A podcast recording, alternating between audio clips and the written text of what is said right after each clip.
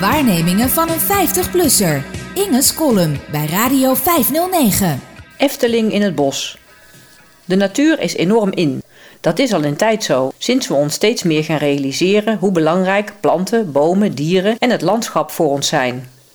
We hebben er zo weinig van in Nederland, maar we kunnen er niet buiten. Sterker nog, we moeten steeds vaker erkennen dat organismen als bomen, maar ook schimmels en insecten veel essentiëler zijn voor het voortbestaan van de planeet Aarde dan wij zelf.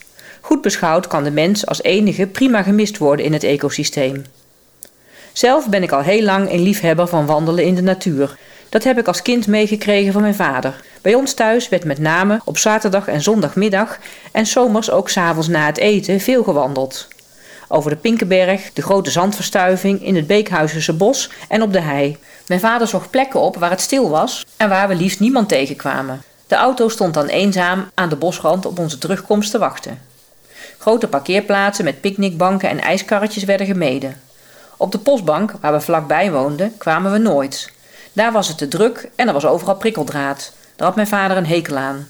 Hij liep het liefst niet op paden, maar gewoon dwars over de hei of door het bos. Dat leverde protest op van mijn moeder, die natuurlijk weer niet de juiste degelijke schoenen had aangetrokken. De voorkeur voor wandelen op plekken waar zo min mogelijk medemensen zijn, heb ik van mijn vader geërfd, al loop ik zelf wel netjes op de paden. Aan zoiets als die Vierdaagse zal ik nooit meedoen, nog afgezien van de afstand. Ik begrijp niet wat er leuk aan is om met tienduizenden mensen tegelijk midden in de zomervakantie dezelfde geasfalteerde route te lopen. Ik vind het eigenlijk al jammer als ik op een NS-wandeling mensen tegenkom met hetzelfde routeboekje in de hand. Al gebeurt dat laatste niet veel meer omdat de meeste mensen de route op hun smartphone bekijken. Sinds wij mensen noodgedwongen moeten afzien van het bezoeken van pretparken en musea en het luieren en drinken op terrassen, zijn het bos, de hei en het park de enige plekken waar we legaal mogen verblijven buitenshuis. Dat is te merken. De drukte in het bos is enorm.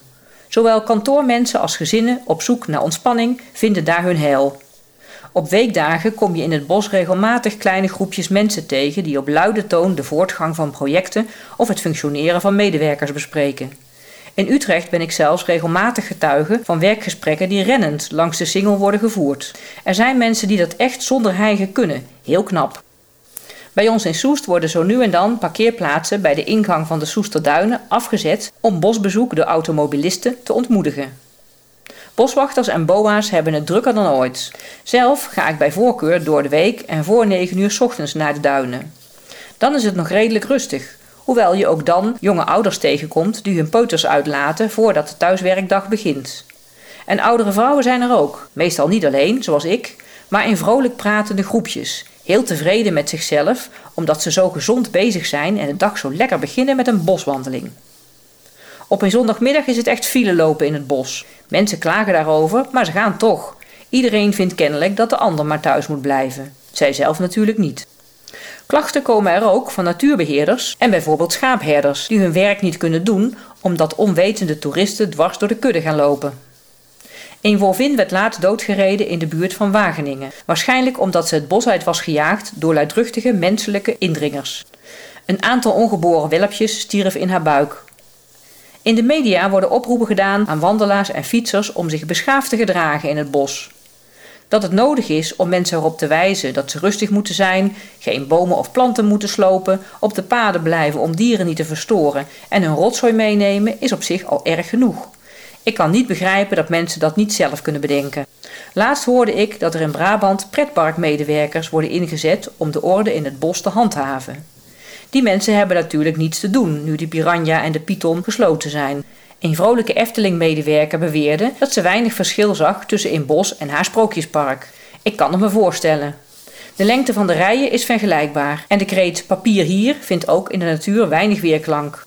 Informatieve bordjes, pijlen en paaltjes met kleurige koppen zie je overal. En vlakbij de parkeerplaats is er altijd wel een kabouterbos of een speurroute voor kinderen. Maar gelukkig, de terrassen gaan woensdag weer een paar uur per dag open. En er mag weer zonder afspraak worden gewinkeld. Als straks dan ook nog de kantoormensen weer in de spits op weg gaan naar hun gebouwen, hebben de dieren het bos voor zich alleen. Wat zullen de ree, de vos, de das en die paar wolven op de Veluwe daar blij mee zijn?